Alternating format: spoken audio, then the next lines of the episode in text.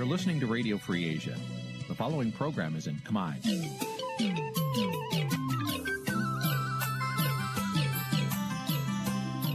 នេះជាកម្មវិធីផ្សាយ Vuthu Azizi Serai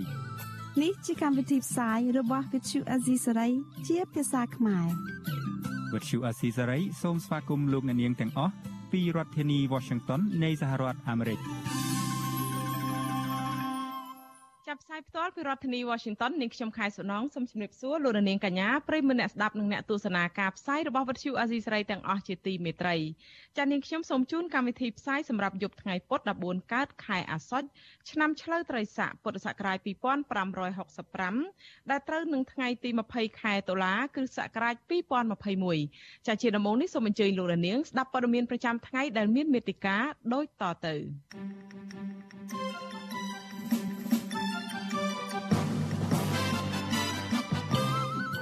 អ្នកជំងឺ Covid-19 ចំនួន12អ្នកទៀតបានស្លាប់និងឆ្លងថ្មីជិត200នាក់សង្គមស៊ីវិលរិះគន់ការតែងតាំងនិងដំឡើងឋានៈមន្ត្រីគណៈកម្មាធិការសិទ្ធិមនុស្សរដ្ឋាភិបាលគណៈវិស័យសិទ្ធិមនុស្សកំពុងធ្លាក់ចុះសហគមន៍ស្នើឲ្យរដ្ឋាភិបាលបញ្ឈប់ការបណ្តេញពលរដ្ឋចេញដោយបង្ខំ បញ្ញាអ្នកជាប់ឃុំស្នើសុំសាលាឧទ្ធរខេត្តត្បូងឃ្មុំដោះលែងអ្នកនយោបាយនិងសកម្មជនដីធ្លីរួមនឹងព័ត៌មានផ្សេងផ្សេងមួយចំនួនទៀត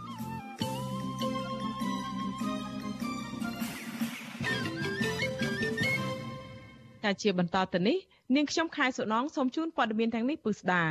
ចាលោកនាងជាទីមេត្រីតកតងទៅនឹងស្ថានភាពនៃការរីករាលដាលនៃជំងឺ Covid-19 អ្នកជំងឺ Covid-19 ចំនួន12អ្នកទៀតបានស្លាប់ក្នុងនោះមាន5នាក់មិនបានចាក់វ៉ាក់សាំង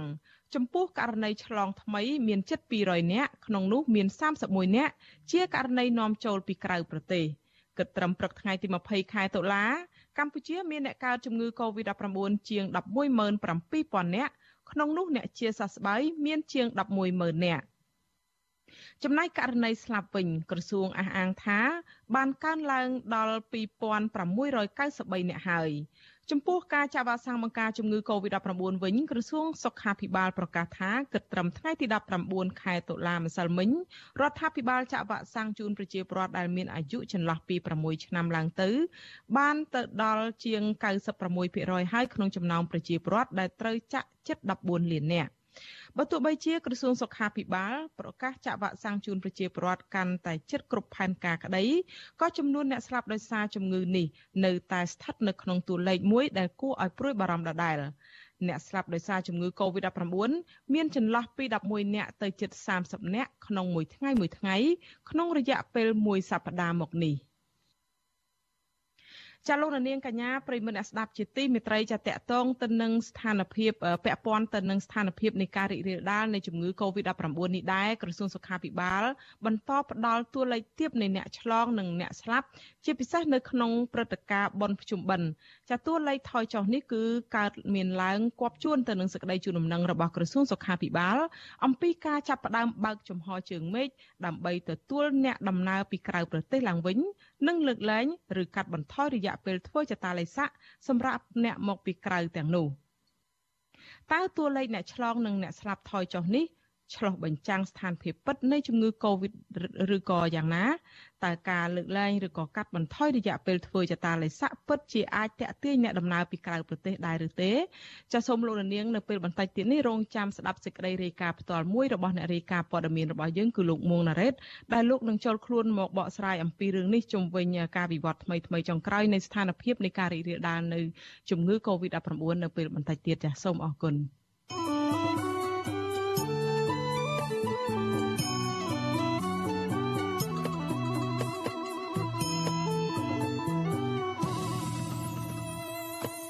ចាលោកនាងកញ្ញាប្រិមនអ្នកស្ដាប់និងអ្នកទស្សនាការផ្សាយរបស់វិទ្យុអាស៊ីសេរីទាំងអស់ជាទីមេត្រីចាមន្ត្រីសង្គមស៊ីវិលរិះគន់ថាការតែងតាំងនិងដំឡើងឋានៈឲ្យមន្ត្រីគណៈកម្មាធិការសិទ្ធិមនុស្សរបស់រដ្ឋាភិបាលគឺជាការបង្ហាញថារដ្ឋាភិបាលចូលចិត្តតែអ្នកការពារខ្លួនប៉ុន្តែមិនបានជួយការពារផលប្រយោជន៍ប្រជាពលរដ្ឋ ការលើកឡើងបែបនេះធ្វើឡើងក្រោយពេលសមាជិកគណៈកម្មាធិការសិទ្ធិមនុស្សជាង10នាក់ត្រូវបានគេតែងតាំងនិងដំឡើងឋានៈចាប់ពីរដ្ឋធានី Washington លោកសេចបណ្ឌិតរាយការណ៍ព័ត៌មាននេះសមាជិកគណៈកម្មាធិការសិទ្ធិមនុស្សកម្ពុជានៃរដ្ឋាភិបាល ចំនួន12នាក់ត្រូវបានព្រះមហាក្សត្រចេញព្រះរាជក្រឹត្យតែងតាំងនិងផ្ដល់ឋានៈស្មើអនុរដ្ឋលេខាធិការរហូតដល់ឋានៈស្មើនឹងអគ្គនាយកតាមសំណើលោកនាយករដ្ឋមន្ត្រីហ៊ុនសែន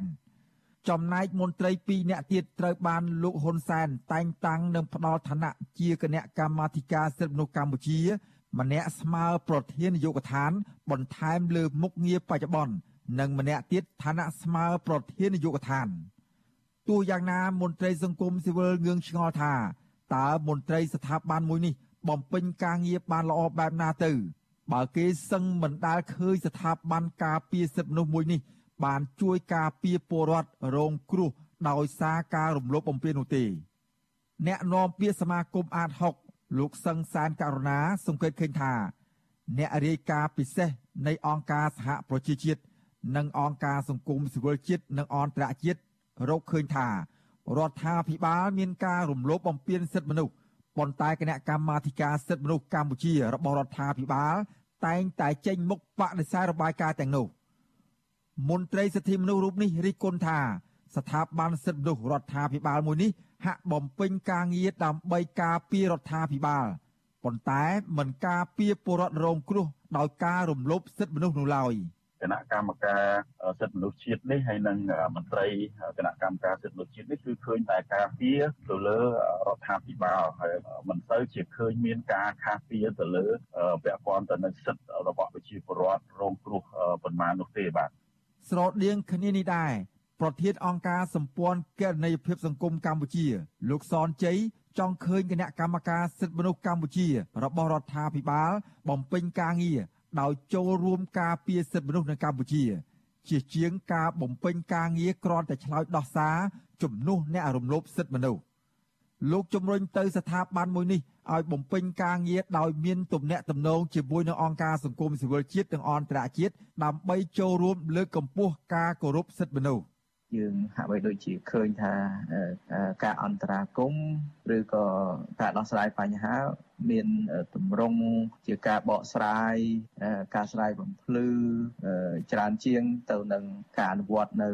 ទួនាទីរបស់ខ្លួន ជាពិសេសគឺក្នុងការលើកដំកើងទៅដល់បញ្ហាសិទ្ធិមនុស្សនៅកម្ពុជាជុំវិញការលើកឡើងរបស់មន្ត្រីអង្គការសង្គមស៊ីវិលបែបនេះវិទ្យុអាស៊ីសេរីមិនទាន់អាចសុំប្រតិកម្មពីអ្នកនាំពាក្យគណៈកម្មាធិការសិទ្ធិមនុស្សរបស់រដ្ឋាភិបាលលោកកតាអតបានទេ នៅថ្ងៃទី20ខែតុលាប៉ុន្តែអនុប្រធានគណៈកម្មាធិការសិទ្ធិមនុស្សនៃរដ្ឋាភិបាល និងជារដ្ឋលេខាធិការក្រសួងយុទ្ធភ័ពលោកជិនម៉ាលីន សរសេរលើ Facebook កាលពីថ្ងៃទី19តុលាថាលោកនាយករដ្ឋមន្ត្រីហ៊ុនសែននិងប្រធានគណៈកម្មាធិការសិទ្ធិមនុស្សកម្ពុជា គឺលោកកៅរេមី តែងតែផ្ដល់នៅការយកចិត្តទុកដាក់និងការលើកទឹកចិត្តចំពោះមន្ត្រីដែលខិតខំបំពេញការងារការតែងតាំងនេះក្រោយពេលដែលអង្គការគម្រោងយុទ្ធធម៌ពិភពលោកហៅកាត់ថា WJP ដែលមានមូលដ្ឋាននៅរដ្ឋធានី Washington បានចាត់ចំណាត់ថ្នាក់នីតិរដ្ឋនៅកម្ពុជា ចុះទៀបនៅបាតតារាង គឺនៅលេខរៀង138ក្នុងចំណោមប្រទេសចំនួន139ចំណែកអ្នករាយការណ៍ពិសេសថ្មី លោកវិទិតមុនតបននៅឯកិច្ចប្រជុំក្នុងក្រុមប្រឹក្សាសិទ្ធិមនុស្សអង្គការសហប្រជាជាតិកាលពីថ្ងៃទី6ខែតុលាជំរុញឲ្យកម្ពុជា ធានាឲ្យបាននៅសិទ្ធិពលរដ្ឋនិងសិទ្ធិនយោបាយនៅមុនការបោះឆ្នោតឃុំសង្កាត់ឆ្នាំ2022និងការបោះឆ្នោតជាតិនៅឆ្នាំ2023ខាងមុខនេះ លោកវិទិតមុនតបនចង់ឃើញរដ្ឋាភិបាលកម្ពុជា ធ្វើយ៉ាងណា បើកលំហសិទ្ធិសេរីភាព ដើម្បីឲ្យមានកិច្ចសន្ទនា ការផ្សះផ្សាជាតិនិងការស្ដារស្ថាប័នជាតិឡើងវិញខ្ញុំបាទសេកបណ្ឌិតវិទ្យុអាស៊ីសេរីពីរដ្ឋធានីវ៉ាស៊ីនតោន ចាលោកនាងកញ្ញាប្រិយមិត្តអ្នកស្ដាប់និងអ្នកទស្សនាការផ្សាយរបស់វិទ្យុអាស៊ីសេរីទាំងអស់ជាទីមេត្រីចាតៃតប្រសង់ដែលជាសកម្មជនការពារព្រៃឡង់និងជាសកម្មជននយោបាយម្នាក់គឺលោកវឿនវាសនាដែលកំពុងភៀសខ្លួននៅប្រទេសថៃរក្សាជំហរថានឹងបន្តសកម្មភាពសង្គមនិងការពារព្រៃឈើដើម្បីផលប្រយោជន៍ជាតិបើទោះបីជាលោកហ៊ុនសែនប្រកាសតាមចាប់ក្ដួតខ្លួនយ៉ាងណាក្តីចាលោកវឿនវាសនាបានលាចាកសិក្ខាបទក្នុងពេលកំពុងភៀសខ្លួននៅប្រទេសថៃដោយសារតែប្រសង់នៅប្រទេសនេះកំពុងអនុញ្ញាតមិនអនុញ្ញាតឲ្យគង់នៅនៅក្នុងវត្តឡើយព្រោះខ្លាចឆ្លងជំងឺ Covid-19 តើអតីតសង្ឃជាសកម្មជនព្រៃឡង់រូបនេះមានប្រវត្តិតស៊ូបែបណាខ្លះនោះសូមលោកនាងរងចាំស្ដាប់សេចក្តីរាយការណ៍នេះពុស្ដានៅពេលបន្តិចទៀតនេះ ចាលោកនាងជាទីមេត្រីកាលពី30ឆ្នាំមុនកិច្ចព្រមព្រៀងសន្តិភាពទីក្រុងប៉ារីស្ដីអំពីកម្ពុជា បានជួយស្ដីអំពីកម្ពុជា បានជួយដោះស្រាយវិបត្តិនយោបាយធ្វើឲ្យភាគីចំនួននយោបាយបានវិលទៅធ្វើការរួមគ្នាវិញបានប៉ុន្តែពេលនេះ បច្ចុប្បន្ននេះសហគមន៍អន្តរជាតិរួមទាំងអង្គការសហប្រជាជាតិផងមើលឃើញថាការធ្វើទុកបុកម្នេញការបំបិទសិទ្ធិសេរីភាពពលរដ្ឋកំពុងតែធ្វើឲ្យកម្ពុជាមានការបែកបាក់ជាតិដែលផ្ទុយពីស្មារតីនៃកិច្ចព្រមព្រៀងសន្តិភាពទីក្រុងប៉ារី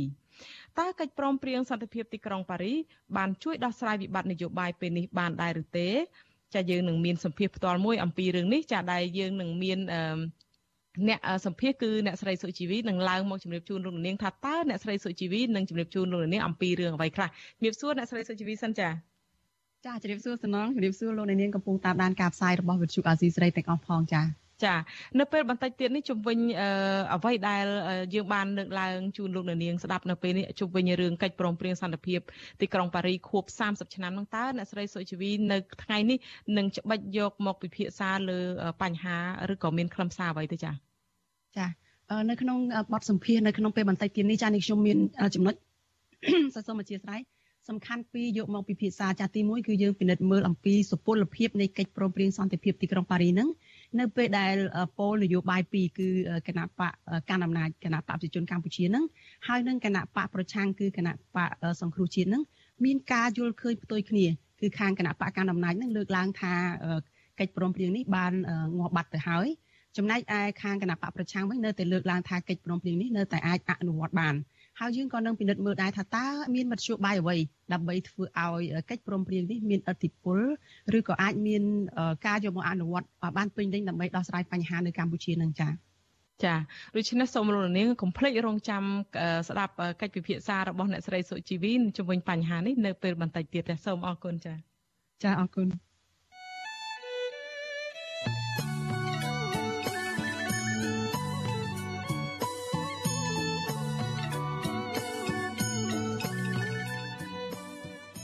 ចាលោកនាងកញ្ញាប្រិយមិត្តអ្នកស្ដាប់ការផ្សាយរបស់វិទ្យុអាស៊ីសេរីទាំងអស់ជាទីមេត្រីចាវិទ្យុអាស៊ីសេរីផ្សាយតាមរយៈរលក ធាតុអាកាសខ្លីឬ shortwave មានកម្រិតនិងកម្ពស់ដូចតទៅនេះចាប់ពេលព្រឹកចាប់ពីម៉ោង5កន្លះដល់ម៉ោង6កន្លះតាមរយៈរលក ធាតុអាកាសខ្លី13715 kHz ស្មើនឹងកម្ពស់ 22m ពេលយប់ចាប់ពីម៉ោង7កន្លះដល់ម៉ោង8កន្លះតាមរយៈរលក ធាតុអាកាសខ្លី9960 kHz ស្មើនឹងកម្ពស់ 30m និង11240 kHz ស្មើនឹងកម្ពស់ 25m ចាសសូមអរគុណ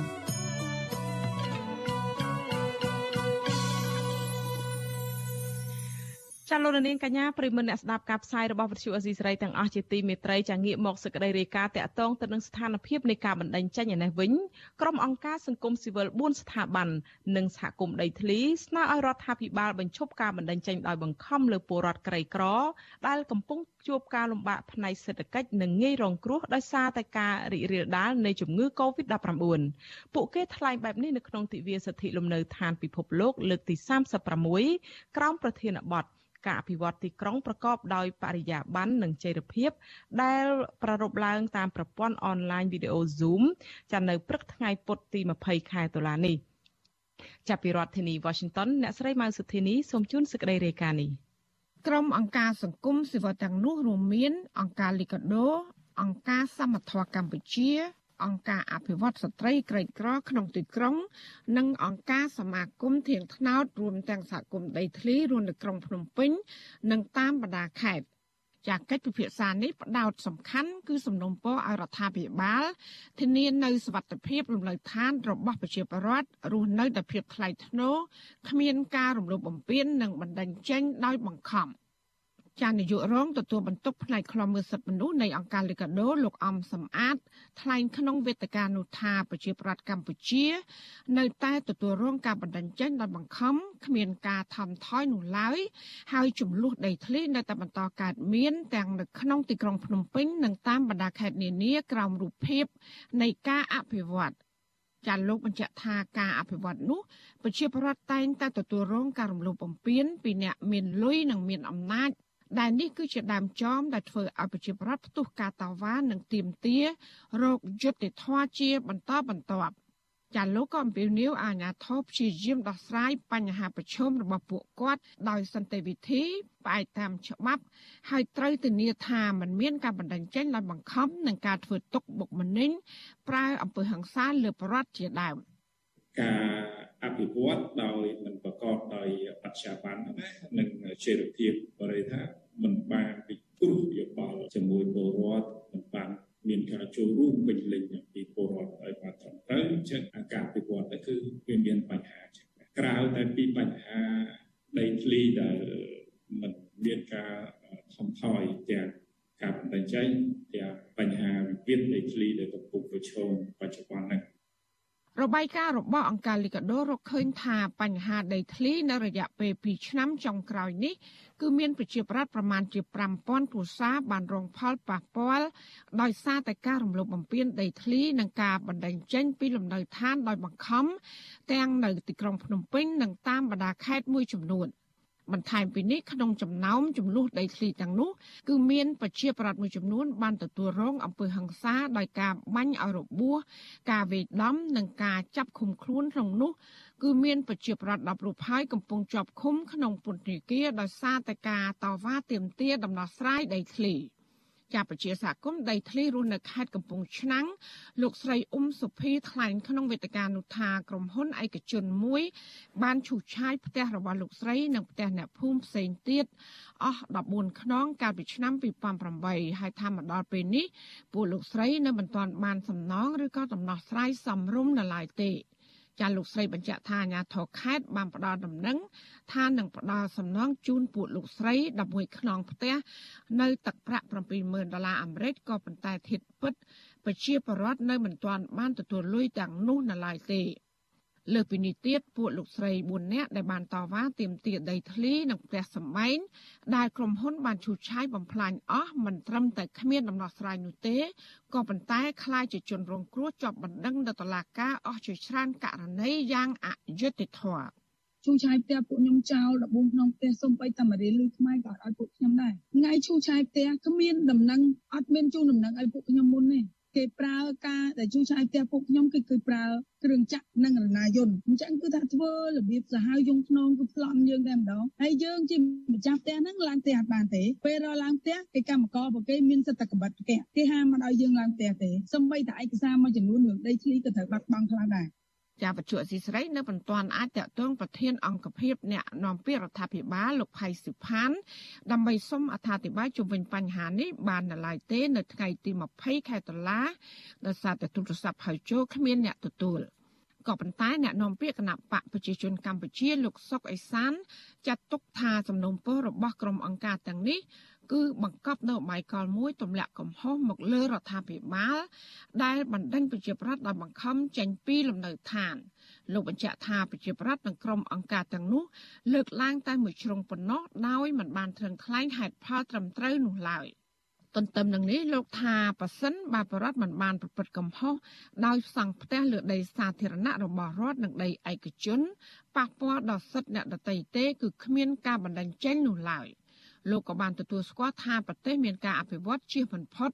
ពីផលប៉ះពាល់លំនៅឋាននិងដីធ្លីរបស់ប្រជាពលរដ្ឋក៏ប៉ុន្តែរដ្ឋាភិបាលមានគោលនយោបាយដោះស្រាយដោយផ្ដល់ដីសម្បត្តិសង្គមគិច្ចសម្រាប់តាំងទីលំនៅ និងបង្កបង្កើនផលចិញ្ចឹមជីវិតជូនប្រជាពលរដ្ឋជាដើម។ រាជរដ្ឋាភិបាលមិនដែលមានសកម្មភាពអីទៅដេញបងប្អូនទេអានឹងសូមឲ្យយល់អញ្ចឹងហើយអស់លោកអ្នកថានឹងអាងទៅសង្គមស៊ីវិលចេះតែថាទៅអត់មានគិតអំពីផលវិបាកដែលយើងថានឹងថារាជរដ្ឋាភិបាលដេញដេញប្រជាជនពីលំនៅឋានបើយើងនៅផ្ទះនៅ6 10លាននាក់មានតាណាទៅដេញផ្ទះនៅតែផ្ទះតាគឺថាភូមិស្ងាត់យើងនៅតែអត់មានកំណោះអីវាអត់មានបញ្ហាទេ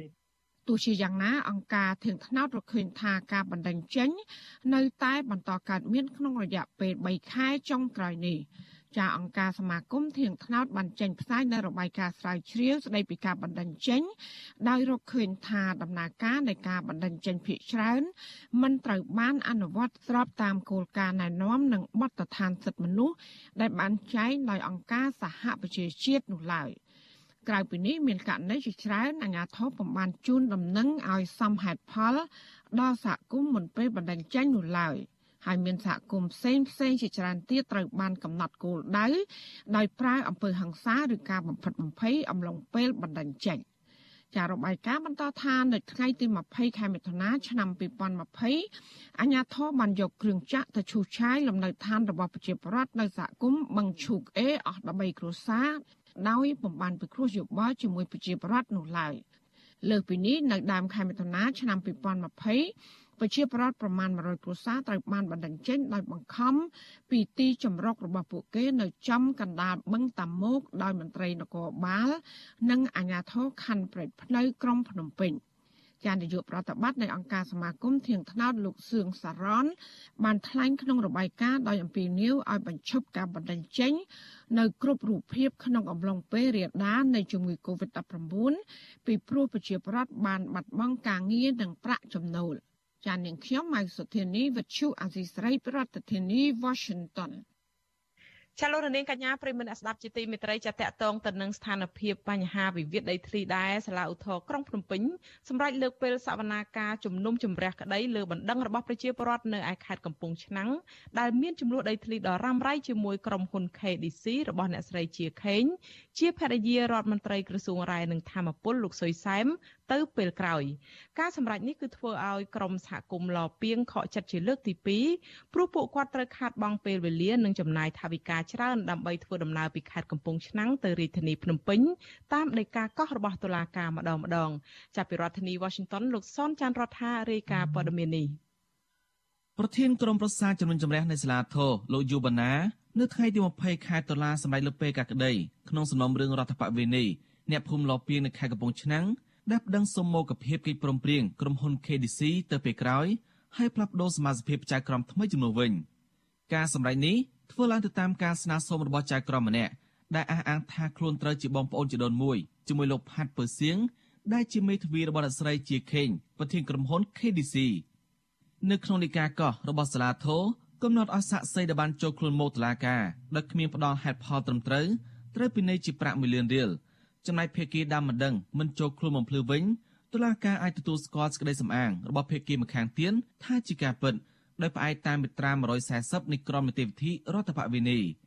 តំណាងពលរដ្ឋម្នាក់ក្នុងចំណោម8នាក់ដែលចំណាយពេលអង្គុយរងចាំបើកសវនាការជាង3ម៉ោងលោកស្ងួនញឿនថ្លែងថានេះជាលើកទី2ហើយដែលសាលាធរពន្យាពេលកាក្តីជូនពលរដ្ឋលពីងលោកមិនសប្បាយចិត្តនឹងតឡាការចុងខ្ពស់មួយនេះទេដោយសារពួកគាត់ត្រូវចំណាយថវិកាម្នាក់យ៉ាងតិច50000រៀល ទើបអាចធ្វើដំណើរចូលមកសវនាការបានដោយមានអ្នកខ្លះត្រូវលក់មន់លក់ឆ្កែដោយយកប្រាក់ហើយអ្នកខ្លះទៀតត្រូវខ្ចីប្រាក់គេលោកយល់ថាការពជាពេលនេះគឺជារឿងមិនសមហេតុហើយមិនអាចទទួលយកបានទេដោយសារតឡាការកាក្តីមិនផ្អែកទៅលើការជាប់ពាក់ព័ន្ធនឹងសាច់ញាតិខ្លាំងជាងច្បាប់នោះទេ បើចំពោះខ្ញុំវិញខ្ញុំអត់គិតចឹងទេអាទោះបងប្អូនទោះសាច់ញាតិដែរឲ្យតែចៅក្រមនឹងឲ្យតែបរិញ្ញានឹងឬក៏អាមេធាវីនឹងឈរលើគោលការណ៍ច្បាប់សូមឲ្យកាត់តែម្ដងអត់មានគិតរឿងបងប្អូនបើយើងគិតរឿងបងប្អូនធ្វើតឡាការធ្វើអីអត់កាត់ទេមិនគិតរឿងបងប្អូនចឹងធ្វើច្បាប់អត់កាត់ទេបាទរយយុទ្ធធម៌ជួបជាប្រកាសកាត់ទេបើរឿងគិតថាបងប្អូនចឹងបាទបើច្បាប់គេអត់មាននិយាយរឿងបងប្អូនទេគឺគឺនិយាយរឿងច្បាប់បាទនេះបាទនេះពេញចំចិត្តរបស់ខ្ញុំឯណាបាទឈរជាកដាលជុំវិញរឿងនេះអ្នកសម្របសម្រួលគម្រោងធុរកិច្ចនិងសិទ្ធិមនុស្ស នៃមជ្ឈមណ្ឌលសិទ្ធិមនុស្សកម្ពុជាលោកវ៉ាន់សុផានសង្កេតឃើញថាករណីប្រឹងផ្ដោតវិវាទដីធ្លីទៅតុលាការរវាងបរិយាក្រីក្រជាមួយនឹងខាងក្រុមហ៊ុនគឺមានភាពខុសគ្នាឆ្ងាយទាំងការចាប់ផ្ដើមអនុវត្តនីតិវិធីនិងដំណើរការរឿងក្តីលោកបន្តថារមិនដឹងចេញពីខាងក្រុមហ៊ុនគឺតុលាការតែងចាត់ការលឿនជាងមិនដឹងរបស់បរិយាក្រីក្រដែលជាម្ចាស់ដីលោកយល់ថាដើម្បីលើកកម្ពស់នីតិរដ្ឋក្នុងប្រទេសឲ្យបានល្អប្រសើរតុលាការគួរពិចារណាពិនិត្យមើលលទ្ធភាព ដើម្បីឲ្យដំណើរការរឿងក្តីនេះអាចប្រព្រឹត្តទៅបានដោយរលូនហើយផ្ដល់ភាពយុត្តិធម៌ពិតប្រាកដជូនដល់ភាគីគូទំនាស់ខ្ញុំសង្ឃឹមថានៃលោកសាលាការដែលជាអ្នករូបយុទ្ធធម៌ទូជាបរដ្ឋហ្នឹងសូមលោកមេតាធ្វើយ៉ាងម៉េចដើម្បីប្រកាស ថាជាទូនាទីក្នុងការរកយុទ្ធសាស្ត្រដល់ជូនប្រជាពលរដ្ឋដល់ដោយមានតម្លាភាពហើយទឹកគូអត់ដល់ពីអតីតជីវភាពរស់នៅរបស់ប្រជាពលរដ្ឋផងព្រោះតែមកម្ដងម្ដងគាត់ចំណាយពេលមិនតិចទេហើយបែរជាខកពេលម្ដងពីរដងទៅវិញទៅហើយហ្នឹងវាជាការខកចិត្តរបស់ពួកគាត់ហើយយើងក៏ដូចជាអង្គការសង្គមស៊ីវិលចឹងដែរក៏យើងបានមើលឃើញករណីហ្នឹងកើតឡើងជាច្រើនដែរចំពោះករណីប្រជាពលរដ្ឋដែលរងផលប៉ះពាល់ដីធ្លីក៏ដូចជាសកម្មជនបរិស្ថានសកម្មជនដីធ្លីដទៃទៀតដែរបាទ កាលពីខែធ្នូឆ្នាំ2020អ្នកភូមិលោពីនាំគ្នាបងប្រាក់ជិត30ម៉ឺនរៀលនៅសាលាធររាជធានីភ្នំពេញតាមដីកាបង្កប់របស់តុលាការដើម្បីដំណើរការក្តីក្នុងសំណុំរឿងរដ្ឋបវេនីសូមមកភាពកិច្ចព្រមព្រៀងជាមួយអ្នកស្រីជាខេងដែលជាប្រពន្ធរដ្ឋមន្ត្រីក្រសួងរាយនិងធម្មពលលោកសុយសែមកាលពីឆ្នាំ2014ការប្តឹងទៅតុលាការចុងខ្ពស់មួយនេះគឺក្រោយពេលដែលសាលាដំបងរាជធានីភ្នំពេញកាលពីខែកក្កដាឆ្នាំ2020សម្រាប់បដិសេធចោលម្ដងរបស់ពលរដ្ឋនៅខេត្តកំពង់ឆ្នាំង ដែលមានចំនួនដីធ្លីជាមួយអ្នកស្រីជាខេងនៅក្នុងសំណុំរឿងរដ្ឋបវេនីសមមោគភាពកិច្ចព្រមព្រៀងជាមួយក្រុមហ៊ុន KDC កិច្ចព្រមព្រៀងឬក៏សំណងគោលនយោបាយដែលបានចុះផ្សាយក្នុងកាសែតកោះសន្តិភាពកាលពីថ្ងៃទី18ខែកញ្ញាឆ្នាំ2014សរសេរថាក្រុមហ៊ុន KDC បានផ្ដល់ថវិកាឲ្យតំណាងពលរដ្ឋម្នាក់ឈ្មោះរេសេម៉ា7000ដុល្លារសម្រាប់សំណងការឈូសឆាយផ្ទះសម្បែងនិងផលដំណាំហើយថវិកា10000ដុល្លារផ្សេងទៀត ជាថ្នូរទៅនឹងការបញ្ឈប់សកម្មភាពចេញដើរតវ៉ារឿងដីធ្លីប្រឆាំងនឹងក្រុមហ៊ុន KDC របស់អ្នកស្រីជាខេងដែលជាប្រពន្ធលោកសុយសែមរដ្ឋមន្ត្រីក្រសួងរាយនិងធម្មពលប៉ុន្តែខាងបរដ្ឋថាពួកគាត់មិនដែលទទួលបានទឹកប្រាក់ដោយការចុះផ្សាយនោះម្ដងណាទេក្រមប្រជាប្រដ្ឋទទួលស្នើសុំឲ្យសាលាធរពលនីតិវិធីកាក្តីសម្រាប់រឿងនេះឲ្យបានឆាំដោយផ្ដល់ភាពត្រឹមត្រូវយុត្តិធម៌និងដំណាភាពជូនប្រជាក្រីក្រដែលបានបាត់បង់ដីស្រែដោយការរំលោភយកដីពីក្រុមហ៊ុន KDC របស់អ្នកស្រីជាខេងខ្ញុំសនចាររថាវិទ្យុអាស៊ីសេរីរាយការណ៍ពីរដ្ឋធានីវ៉ាស៊ីនតោនចាលោកនាងកញ្ញាប្រិមមអ្នកស្ដាប់ការផ្សាយរបស់វិទ្យុអេស៊ីសេរីទាំងអស់ជាទីមេត្រីចាឥឡូវនេះយើងងាកមកសក្តីរាយការណ៍តាក់ទងទៅនឹងការរីករាលដាលនៃវិវានៃជំងឺ Covid-19 វិញចាពាក់ព័ន្ធទៅនឹងស្ថានភាពរីករាលដាលជំងឺ Covid-19 នេះគឺក្រសួងសុខាភិបាលបន្តផ្ដល់តួលេខទាបនៃអ្នកឆ្លងនិងអ្នកស្លាប់ជាពិសេសគឺនៅក្រៅព្រឹត្តិការណ៍បុណ្យភ្ជុំបិណ្ឌ តួលេខថយចុះនេះគឺកើតមានឡើងគប់ជួនទៅនឹងសេចក្តីជូនដំណឹងរបស់ក្រសួងសុខាភិបាលអំពីការចាប់ផ្ដើមបើកចំហជើងមេឃដើម្បីទទួលអ្នកដំណើរពីក្រៅប្រទេសឡើងវិញនឹងការលើកលែងឬក៏កាត់បន្ថយរយៈពេលធ្វើចតាល័យស័កសម្រាប់អ្នកមកពីក្រៅទាំងនោះតើចំនួនតួលេខអ្នកឆ្លងនិងអ្នកស្លាប់ថយចុះនេះគឺឆ្លុះបញ្ចាំងអំពីស្ថានភាពពិតនៃជំងឺ Covid-19 ឬយ៉ាងណា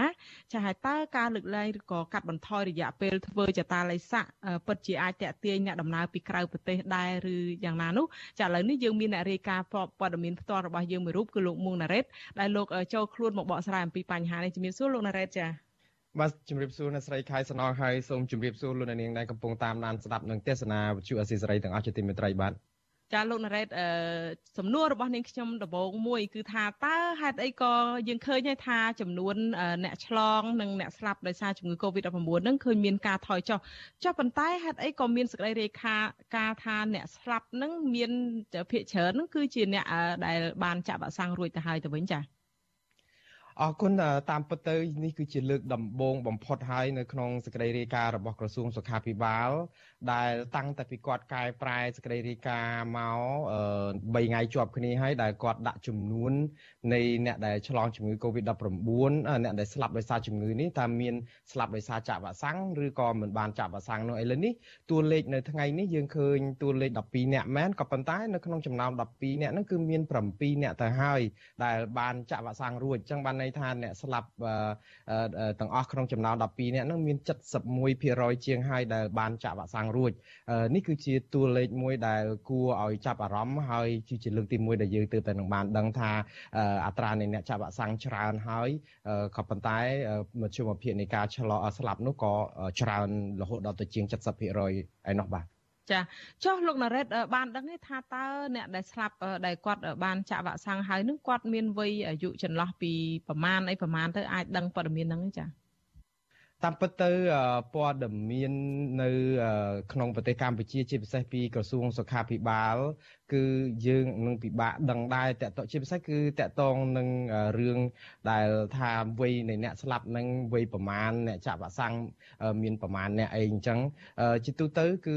ពេលដែលយើងតកតងទៅពួកគាត់គាត់មិនលើកទេសរុបសេចក្តីមកគឺព័ត៌មានពីខាងក្រសួងសុខាភិបាលហ្នឹងគឺមិនខុសអីពីដបងបបៃលិនទេបាទ ចាអញ្ចឹងមានន័យថាវាមានតម្លៃអឺមែនទេ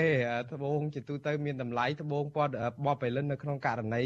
ព័ត៌មានពីក្រសួងសុខាភិបាលនេះគឺថាវាខ្សត់វាក្រវាបបាក់ររហូតដូចនៅបៃលិនចឹងទៅរឡើងឃើញហើយ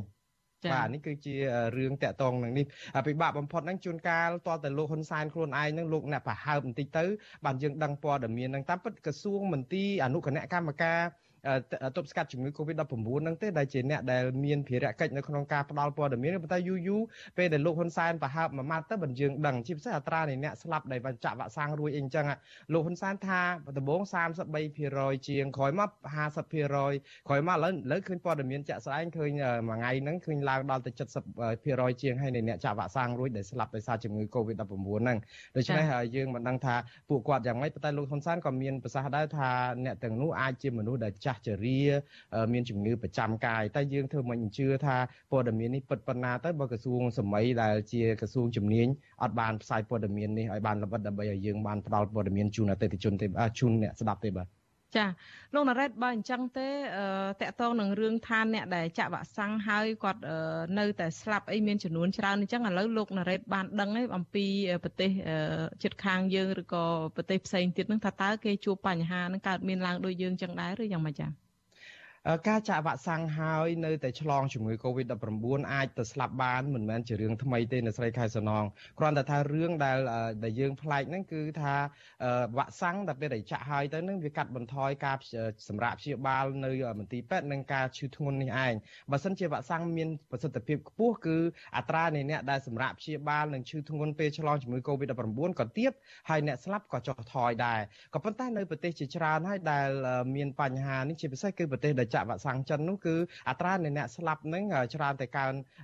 ខ្ពស់ដែរបើយើងប្រៀបធៀបទៅវាខុសពីសហរដ្ឋអាមេរិកដែលយើងដឹងហើយសហរដ្ឋអាមេរិកមិនមែនអ្នកចាក់វ៉ាក់សាំងទាំងអស់សុទ្ធតែមិនស្លាប់ទេមានអ្នកស្លាប់ដែរតើយើងមើលឃើញអតីតរដ្ឋមន្ត្រីក្រសួងការបរទេសអាមេរិកលោក Colin Powell ដែលទើបតែស្លាប់ថ្មីថ្មីនេះលោកមានវ័យ84ឆ្នាំចាក់វ៉ាក់សាំងគ្រប់ដូសដែរប៉ុន្តែលោកមានជំងឺរ៉ាំរ៉ៃមួយយ៉ាងនោះគឺមហារីកឈាមហើយប៉ុន្តែអត្រានៃអ្នកស្លាប់នៅសហរដ្ឋអាមេរិកនេះបើប្រៀបធៀបទៅ គឺមានមិនដល់1%ទេបានន័យថាអ្នកចាក់វ៉ាក់សាំងហើយដែលស្លាប់ហ្នឹង គឺមានមិនដល់1%តែអ្នកដែលមិនចាក់វ៉ាក់សាំងស្លាប់មានដល់ទៅ99គឺវា99%ឯណោះដូច្នេះលោក Colin Powell គឺស្ថិតនៅក្នុងមនុស្សម្នាក់នៅក្នុង1000នាក់ដែលចំនួនក្រោម1%នេះដែលស្លាប់ទោះជាចាក់វ៉ាក់សាំងរួចបាទហើយប៉ុន្តែវ៉ាក់សាំងហ្នឹងបើយើងនិយាយពីប្រសិទ្ធភាពអាហ្នឹងគឺយើង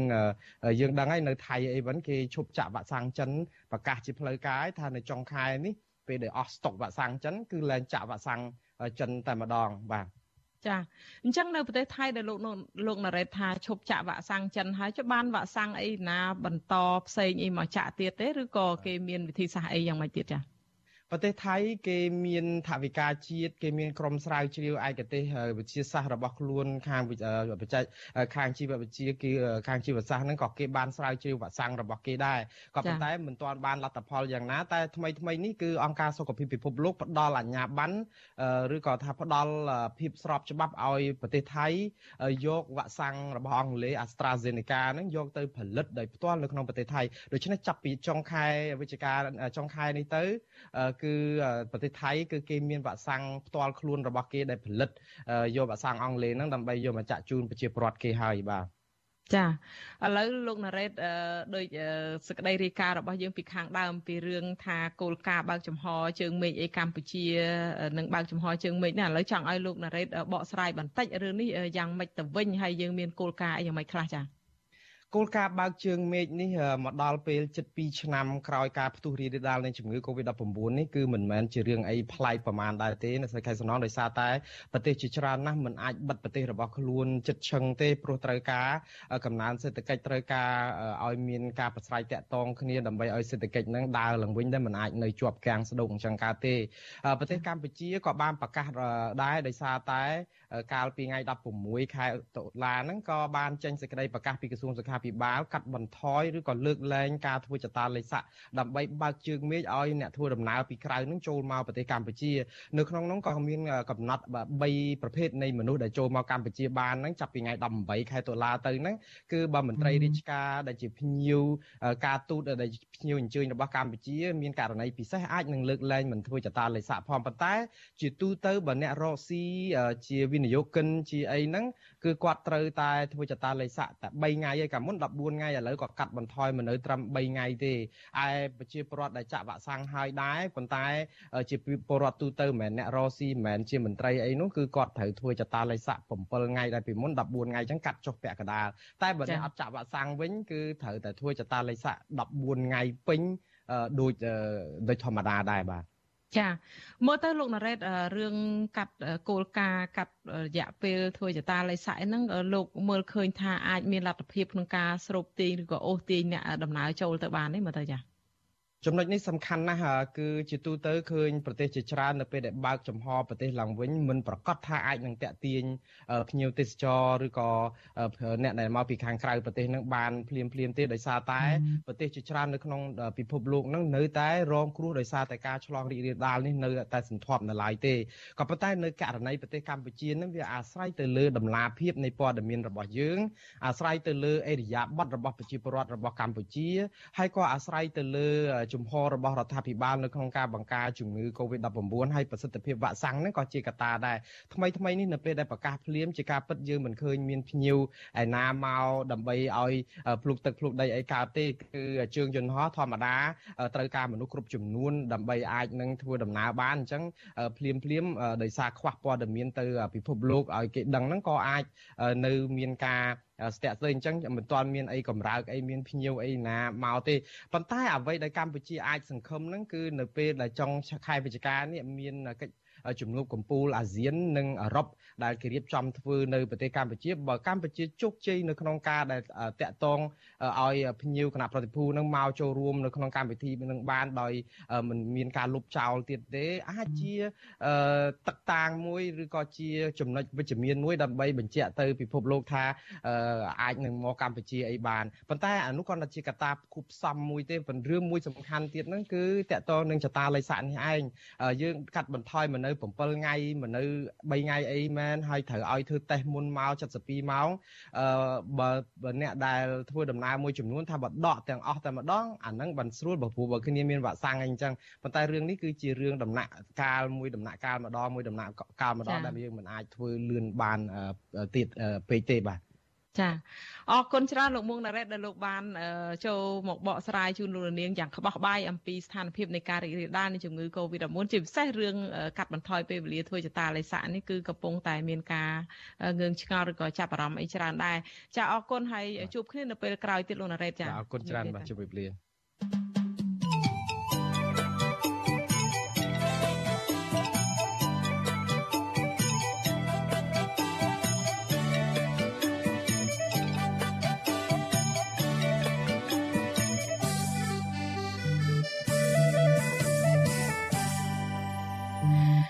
ចាលោកនាងកញ្ញាប្រិមនអ្នកស្ដាប់និងអ្នកទស្សនាការផ្សាយរបស់វិទ្យុអាស៊ីសេរីទាំងអស់ជាទីមេត្រីចាតតងទៅនឹង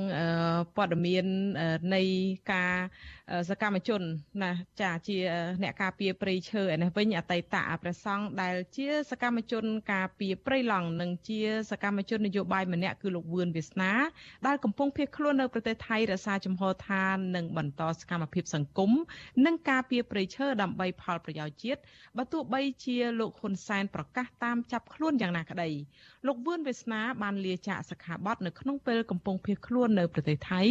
ដោយសារតែប្រសង់នៅប្រទេសនេះកំពុងអនុញ្ញាតឲ្យមិនឲ្យគង់នៅក្នុងវត្តនោះឡើយព្រោះខ្លាចឆ្លងការរាលដាលនៃជំងឺ Covid-19 តើអតីតសង្ឃជាសកម្មជនព្រៃឡង់រូបនេះមានប្រវត្តិតស៊ូបែបណាដើម្បីការពារធនធានធម្មជាតិនិងព្រៃឈើនោះចាសសូមលោកនាងស្ដាប់សេចក្តីរាយការណ៍នេះពិស្ដាររបស់លោកសេកបណ្ឌិតដូចតទៅចា៎ ជាកូនកំព្រាឪពុកម្ដាយតាំងពីកុមារភាព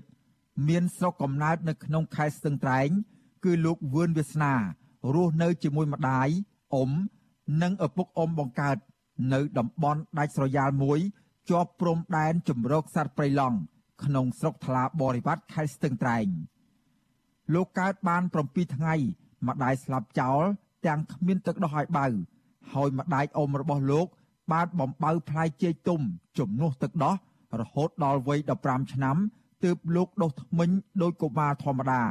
ដោយសារបៀមជញ្ជក់តែផ្លែចេកបរោះខ្មៅស្រអែម ជាម្ចាស់ Facebook ឈ្មោះក្រញូងព្រៃឡង់បានបួសជាសង្ឃរយៈពេល2ដងមកហើយ ដោយលើកទី1បួសនៅវត្តចំការលើ ក្នុងស្រុកថ្លាបរិវត្តនៅឆ្នាំ2000រហូតដល់ឆ្នាំ2008 លោកបានលាចាកសិក្ខាបទលោកវឿនវាសនាមានវ័យ41ឆ្នាំ មានបងប្អូន4នាក់ហើយលោកជាកូនពៅរស់នៅខេត្តស្ទឹងត្រែងឪពុកបង្ការរបស់លោកបានស្លាប់ជាន់មីននៅក្នុងស្រុកថ្លាបរិវត្តកាលពីឆ្នាំ1995ក្នុងពេលធ្វើជាទាហានរបស់រដ្ឋាភិបាលក្រុងភ្នំពេញអតីតព្រះសង្ឃនិងជាសកម្មជនព្រៃឡង់លោកវឿនវាសនា ប្រាប់វិទ្យុអាស៊ីសេរីនៅថ្ងៃទី19ដុល្លារថាលោកនៅតែក្រាញននីលតស៊ូមតិរិះគន់រដ្ឋាភិបាល ដើម្បីស្ថាបនាចំណុចខ្វះចន្លោះរបស់អាជ្ញាធរក្នុងន័យជួយលើកស្ទួយសង្គមជាតិដោយមិនចុះញោមនោះឡើយលោកថាអាជ្ញាធរមូលដ្ឋានខេត្តស្ទឹងត្រែង និងនគរបាល បានមកចរចាជាមួយលោកម្ដងហើយម្ដងទៀតដើម្បីឲ្យលោកចុះចូលជាមួយនឹងគណៈបកកាន់អំណាចក៏ប៉ុន្តែលោកបានបដិសេធ រហូតមានការគម្រាមកំហែងចាប់ខ្លួនលោកជាញឹកញាប់ទើបលោកបង្ខំចិត្តរត់ភៀសខ្លួនទៅប្រទេសថៃក្នុងពេលលោកភៀសខ្លួនរយៈពេលជាង1ឆ្នាំកន្លងមកនេះ លោកបានទទួលអាហារពីព្រះសង្ឃខ្មែរនៅប្រទេសថៃ ដើម្បីចិញ្ចឹមជីវិត និងទទួលជំនួយមនុស្សធម៌បន្តិចបន្តួចពីសពប្រសជនក្នុងនិងក្រៅប្រទេសទោះក្នុងតម្លៃណាក៏ខ្ញុំនៅតែការពារព្រៃឈើនិង ការពារអាយុជីវិតនៃប្រទេសជាតិខ្ញុំដែរព្រោះខ្ញុំអត់ចង់ឃើញប្រជាពលរដ្ឋរបស់ខ្ញុំរងគ្រោះដោយរបបសឹកថ្ងៃទេដោយសារតែសម្លឹងឃើញពីបទល្មើសព្រៃឈើកើតឡើងពេញទំហឹងក្នុងដែនជំរកសត្វព្រៃឡង់អតីតព្រះសង្ឃរូបនេះ បានចូលជាសមាជិកបណ្ដាញសហគមន៍ព្រៃឡង់ខេត្តស្ទឹងត្រែង នៅឆ្នាំ2013រហូតដល់ឆ្នាំ2017នៅអំឡុងឆ្នាំ2017 លោកបានឈរឈ្មោះបោះឆ្នោតជ្រើសរើសជាសមាជិកក្រុមប្រឹក្សាអន្លង់ភេក្នុងស្រុកថ្លាបរិវត្តកូតាមកពីគណៈបកសង្គ្រោះជាតិលោកក៏បានទៅបួសជាលើកទី2នៅវត្តត្រពាំងធំ ក្នុងខេត្តកំពង់ស្ពឺ រួចទៅសិក្សាព្រះវិន័យនៅវត្តពោព្រឹក ក្នុងស្រុកគៀនស្វាយខេត្តកណ្ដាលហើយបានចូលជាសមាជិកបណ្ដាញព្រះសង្ឃឯករាជ្យដើម្បីយុទ្ធធរសង្គមនៅឆ្នាំ2017 អតីតព្រះសង្ឃរូបនេះបន្ថែមថាការបួសលើកទី2នេះលោកមានឱកាសច្រើន ដើម្បីបន្តការសិក្សារៀនសូត្ររហូតចប់បរិញ្ញាបត្ររង នៅសាកលវិទ្យាល័យមួយ ក្នុងក្រុងភ្នំពេញប៉ុន្តែដោយសារតែលោករិះគន់រដ្ឋាភិបាល តាមបណ្ដាញសង្គមនិងចូលរួមសកម្មភាពការពារប្រៃឈើយ៉ាងសកម្មអាជ្ញាធរបានគម្រាមចាប់ខ្លួនលោកដល់ផ្ទះនៅខេត្តស្ទឹងត្រែង ហើយលោកក៏បង្ខំចិត្តរត់ភៀសខ្លួនទៅកាន់ប្រទេសថៃ នៅដើមឆ្នាំ2020កាលពីថ្ងៃទី9ខែតុលាកន្លងទៅ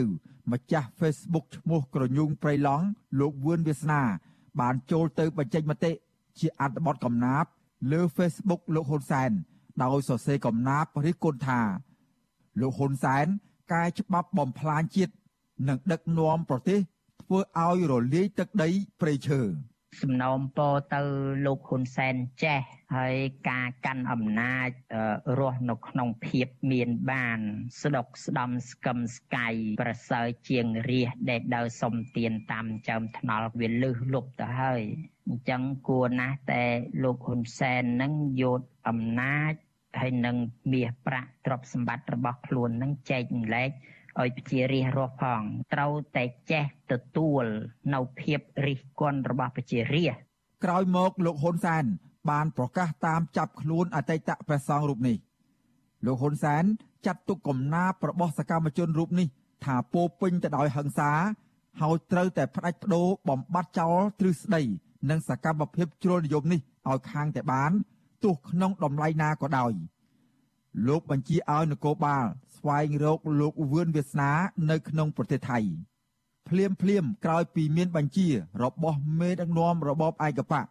ចៅក្រមអមសាលាដំបងរាជធានីភ្នំពេញ លោកពេជ្រវិជាធរបានចេញដីកាបញ្ជាឲ្យសមត្ថកិច្ចតាមចាប់ខ្លួនលោកវឿនវាសនាដោយចោទប្រកាន់ជាបទល្មើសតម្រូវឲ្យផ្ដន់ទោសដាក់ពន្ធនាគារដើម្បីធានាដល់ការស៊ើបសួរឲ្យបានពេញលេញចៅក្រមស៊ើបសួរបញ្ជាឲ្យកម្លាំងសាធារណៈ ស្រាវជ្រាវរកចាប់និងនាំខ្លួនលោកវឿនវាសនាមកប្រគល់ជូនសាលាដំបងរាជធានីភ្នំពេញដើម្បីចាត់ការតាមផ្លូវច្បាប់ទោះបីជាមានដីកាបញ្ជាឲ្យចាប់ខ្លួនលោកក្តីក៏លោកនៅតែមិនបោះបង់ភារកិច្ចបម្រើសង្គមជាតិនិងបរិស្ថាន ក្នុងនាមជាយុវជនខ្មែរលោកវឿនវាសនាប្រាជ្ញាថា ក្នុងនាមជាកូនខ្មែរមិនត្រូវឈរអោបដៃមើលប្រទេសជាតិជួបគ្រោះថ្នាក់នោះទេ ហើយលោកនៅតែបន្តរិះគន់រដ្ឋាភិបាល ដើម្បីស្ថាបនាប្រទេសជាតិលោកបន្ថែមថា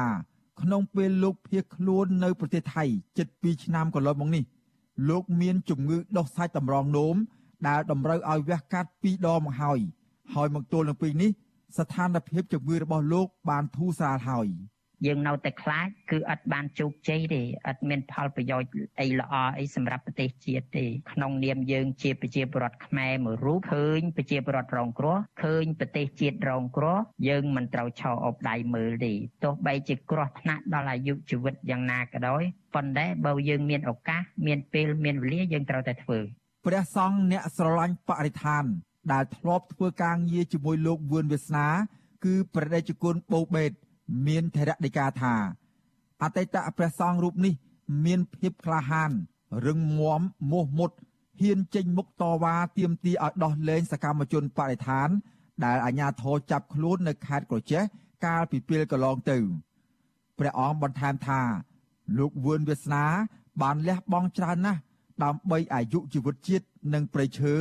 បើទោះបីជាគណៈបកកាន់អំណាចផ្ដាល់ទូនាទី និងតំណែងជូនលោកក្តី ក៏លោកមិនត្រូវការដែរលើពីនេះទៀតអតីតព្រះសង្ឃរូបនេះ មានភាពសកម្មក្នុងការការពារព្រៃឈើនិងសម្ដែងមតិរិះគន់អាជ្ញាធរ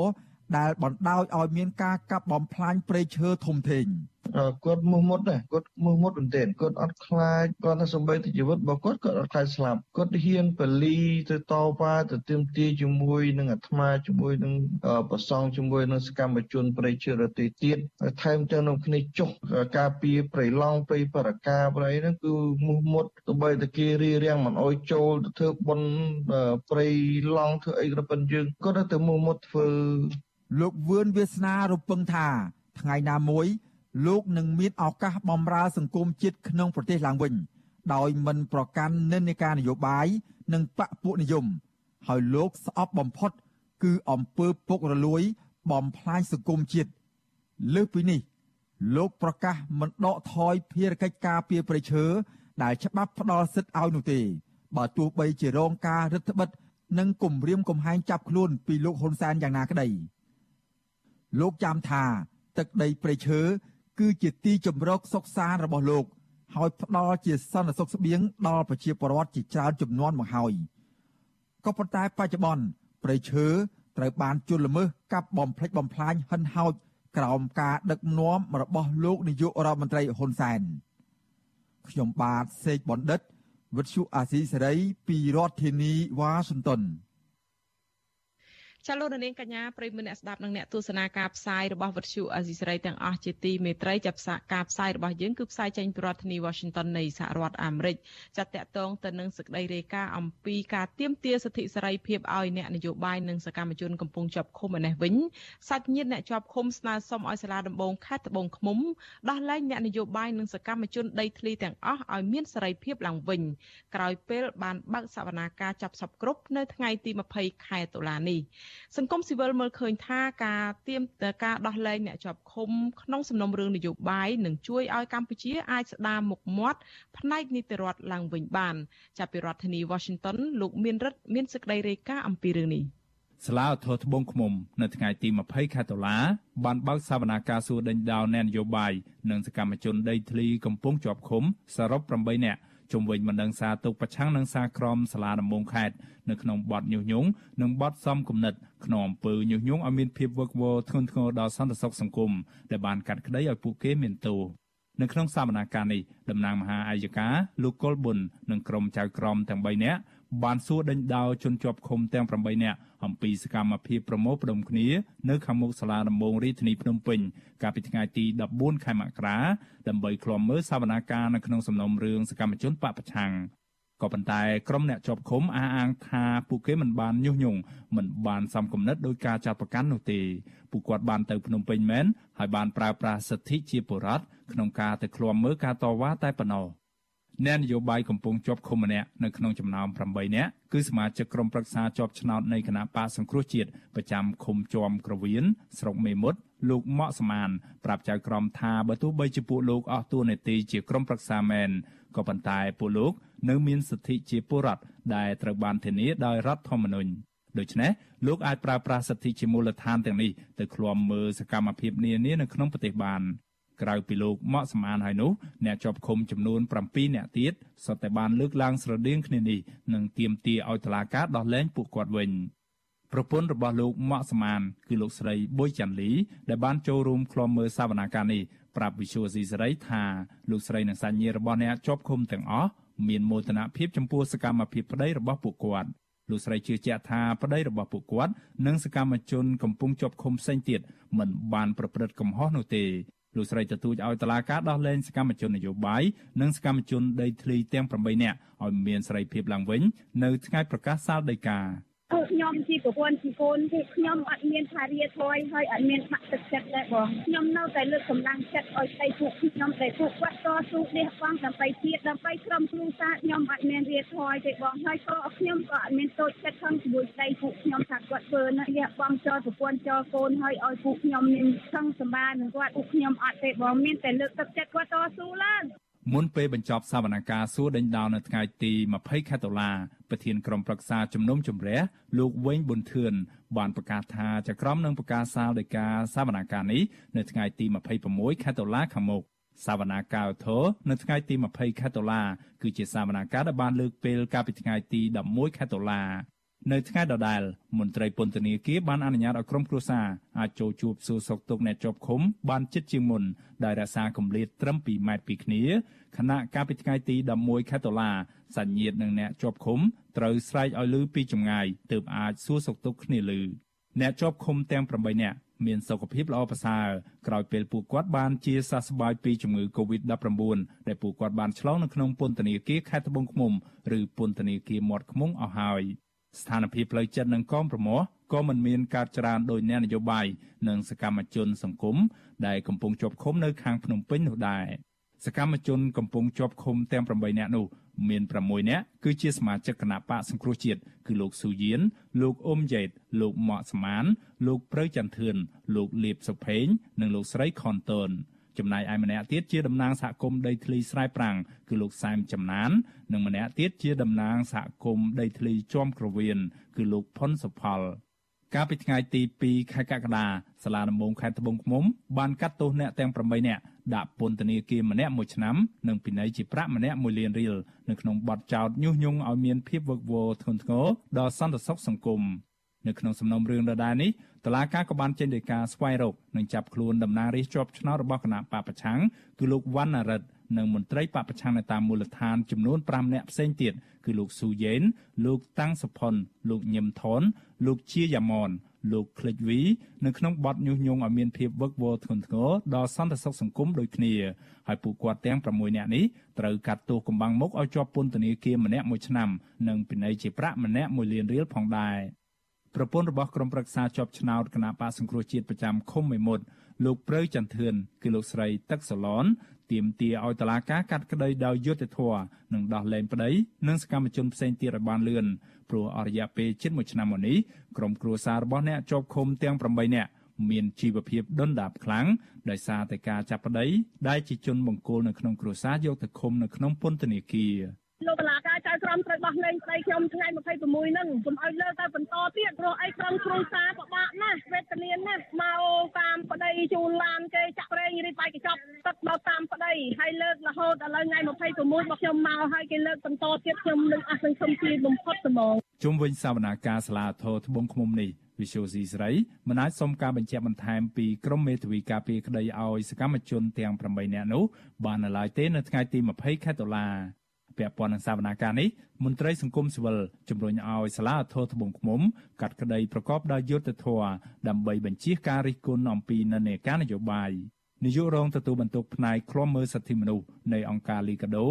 លោកអំសំអាតសង្កេតឃើញថាអ្នកខ្លំមើលជាច្រើនបានចាត់ទុកសំណុំរឿងសកម្មជនទាំង8នាក់នេះថាគឺជារឿងនយោបាយជាជាងការអនុវត្តតាមផ្លូវច្បាប់អ្នកខ្លំមើលសិទ្ធិមនុស្សរូបនេះជឿជាក់ថាប៉ះសិនបើសាលាធរត្បូងឃ្មុំ កាត់ក្តីប្រកបដោយយុត្តិធម៌ដោយទម្លាក់បទចោទហើយដោះលែងសកម្មជនទាំង8នាក់នោះគឺជាផ្នែកមួយនៃការតាក់ទាញចំណាប់អារម្មណ៍របស់សហគមន៍អន្តរជាតិឲ្យមើលឃើញពីស្ថានភាពនីតិរដ្ឋរបស់កម្ពុជា។សង្ឃឹមថាសាលាតលោកនឹងពិចារណាទៅលើបញ្ហាជាក់ស្ដែងអង្គហេតុអង្គច្បាប់ហើយនឹងអ្វីដែលបានកើតឡើងនឹងហើយសម្រាប់ទៅតាមគោលការណ៍នៃឆន្ទៈនិស្សិតទៅតាមផ្លូវច្បាប់ នៅក្នុងសវនកម្មដដែលនេះមានសាច់ញាតិរបស់អ្នកជាប់ឃុំជាង10នាក់បាននាំគ្នាទៅឃ្លាំមើលនិងគាំទ្រសកម្មជនទាំង8នាក់អាជ្ញាធរខេត្តត្បូងឃ្មុំមិនបានពង្រាយកងកម្លាំងចាំបង្ក្រាបនោះទេក៏ប៉ុន្តែមន្ត្រីច្រកទ្វារនៅសាលាធរត្បូងឃ្មុំបានបង្ខំឲ្យសាច់ញាតិបង់លុយនៅក្នុងម្នាក់30000រៀលជាថ្នូរនឹងការអនុញ្ញាតឲ្យពួកគាត់បានចូលរួមក្លំមើលសវនាការ ប្រពន្ធរបស់ជនជាប់ឃុំគឺលោកស្រីបុយចាន់លីអាហាងថាសមាជិកយាមកាមនៅខាងមុខសាលាធរត្បូងឃ្មុំមិនបានតម្រូវឲ្យប្រពន្ធរបស់អ្នកជាប់ឃុំបង់លុយនោះទេក៏ប៉ុន្តែតម្រូវឲ្យសាច់ញាតិដែលជាក្មួយបងប្អូនពូមីងអ៊ំនិងមិត្តភ័ក្តិរបស់អ្នកជាប់ឃុំត្រូវបង់លុយនៅក្នុងម្នាក់30000រៀលទើបអនុញ្ញាតឲ្យចូលពួកគាត់បានសុំអង្វរសមត្ថកិច្ចនៅច្រកទ្វារសុំបង់ប្រាក់ម្នាក់10000រៀល ព្រោះពួកគាត់ក្រីក្រនិងចង់ចូលជួបសាច់ញាតិជាប់ឃុំនៅក្នុងសវនាការគេសុំឈ្មោះសុំយល់លេខទូរស័ព្ទអីចឹងពីដំបូងគេសុំអញ្ចឹងទៅដល់ហើយគេថាគេយល់លុយក្នុងម្នាក់30000ហើយពួកខ្ញុំថាពួកខ្ញុំអត់មានលុយទេព្រោះអីមកនេះប៉ាឡានគេទេបើ10000ពួកខ្ញុំអើយបើ3 40000ពួកខ្ញុំអត់មានទេដល់អញ្ចឹងទៅគេយកម្នាក់10000បងអស់ជាង100,000បងវិសុវស៊ីស្រីមិនអាចតាក់ទងแนะនាំពាក្យក្រសួងយុទ្ធភ័ពលោកចិនម៉ាលីនបាននៅឡើយទេជុំវិញករណីយកលុយពីសាច់ញាតិ ជាថ្នូវដើម្បីអនុញ្ញាតឲ្យចូលរួមឃ្លាំមើលសវនកម្មនេះក៏ប៉ុន្តែអ្នកការពារសិទ្ធិមនុស្សអះអាងថាករណីទីប្រាក់នេះគឺជាអំពើខុសច្បាប់លោកអមសមាតពន្យល់ថាมันមានច្បាប់ណាមួយតម្រូវឲ្យមន្ត្រីតុលាការយកលុយពីសាធារណជន ជាពិសេសគឺសាច់ញាតិនៅក្នុងការចូលរួមសវនកម្មនោះទេលោកថាមន្ត្រីដែលបង្ខំឲ្យសាច់ញាតិជនជាប់ឃុំបង់ប្រាក់នោះត្រូវតែទទួលខុសត្រូវនៅចំពោះមុខច្បាប់ខ្ញុំបានមេរិត Visual C ស្រីរាយការណ៍ពីរដ្ឋធានី Washington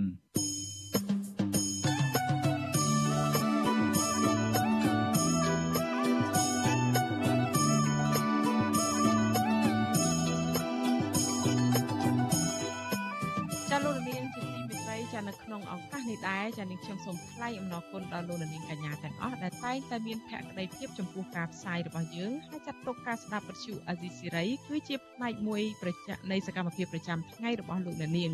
ចាការគ្រប់គ្រងរបស់លោកនាងនេះហើយដែលធ្វើឲ្យយើងខ្ញុំកាន់តែមានទឹកចិត្តបន្ថែមទៀតនៅក្នុងការស្វែងរកនិងផ្តល់ព័ត៌មានជូនលោកអ្នកនាងមានអ្នកស្ដាប់អ្នកទស្សនាកាន់តែច្រើនកាន់តែធ្វើឲ្យយើងខ្ញុំមានភាពស្វាហាប់មោះមុតជាបន្តទៀត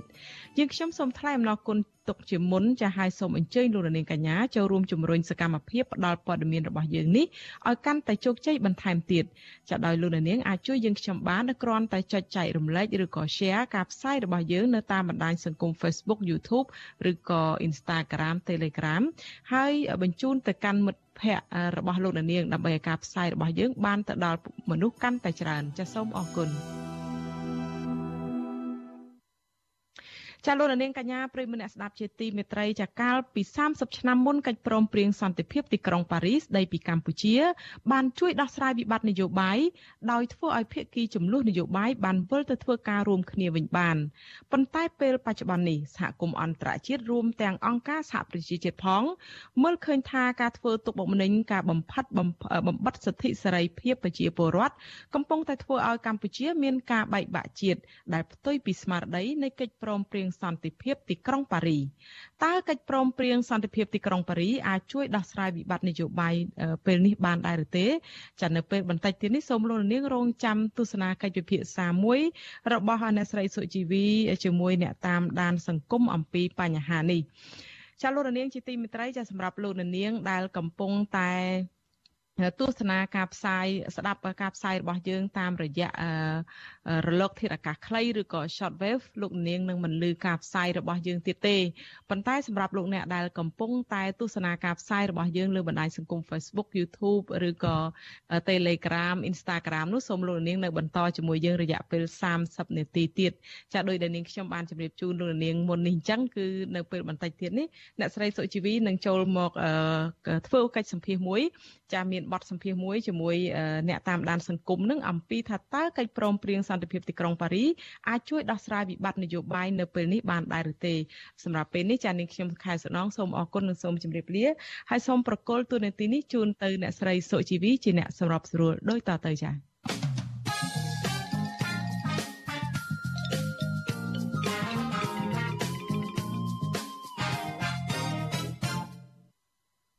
នេះខ្ញុំសុជីវីសូមជម្រាបសួរលោកនាងកញ្ញាដែលកំពុងតាមដានការផ្សាយ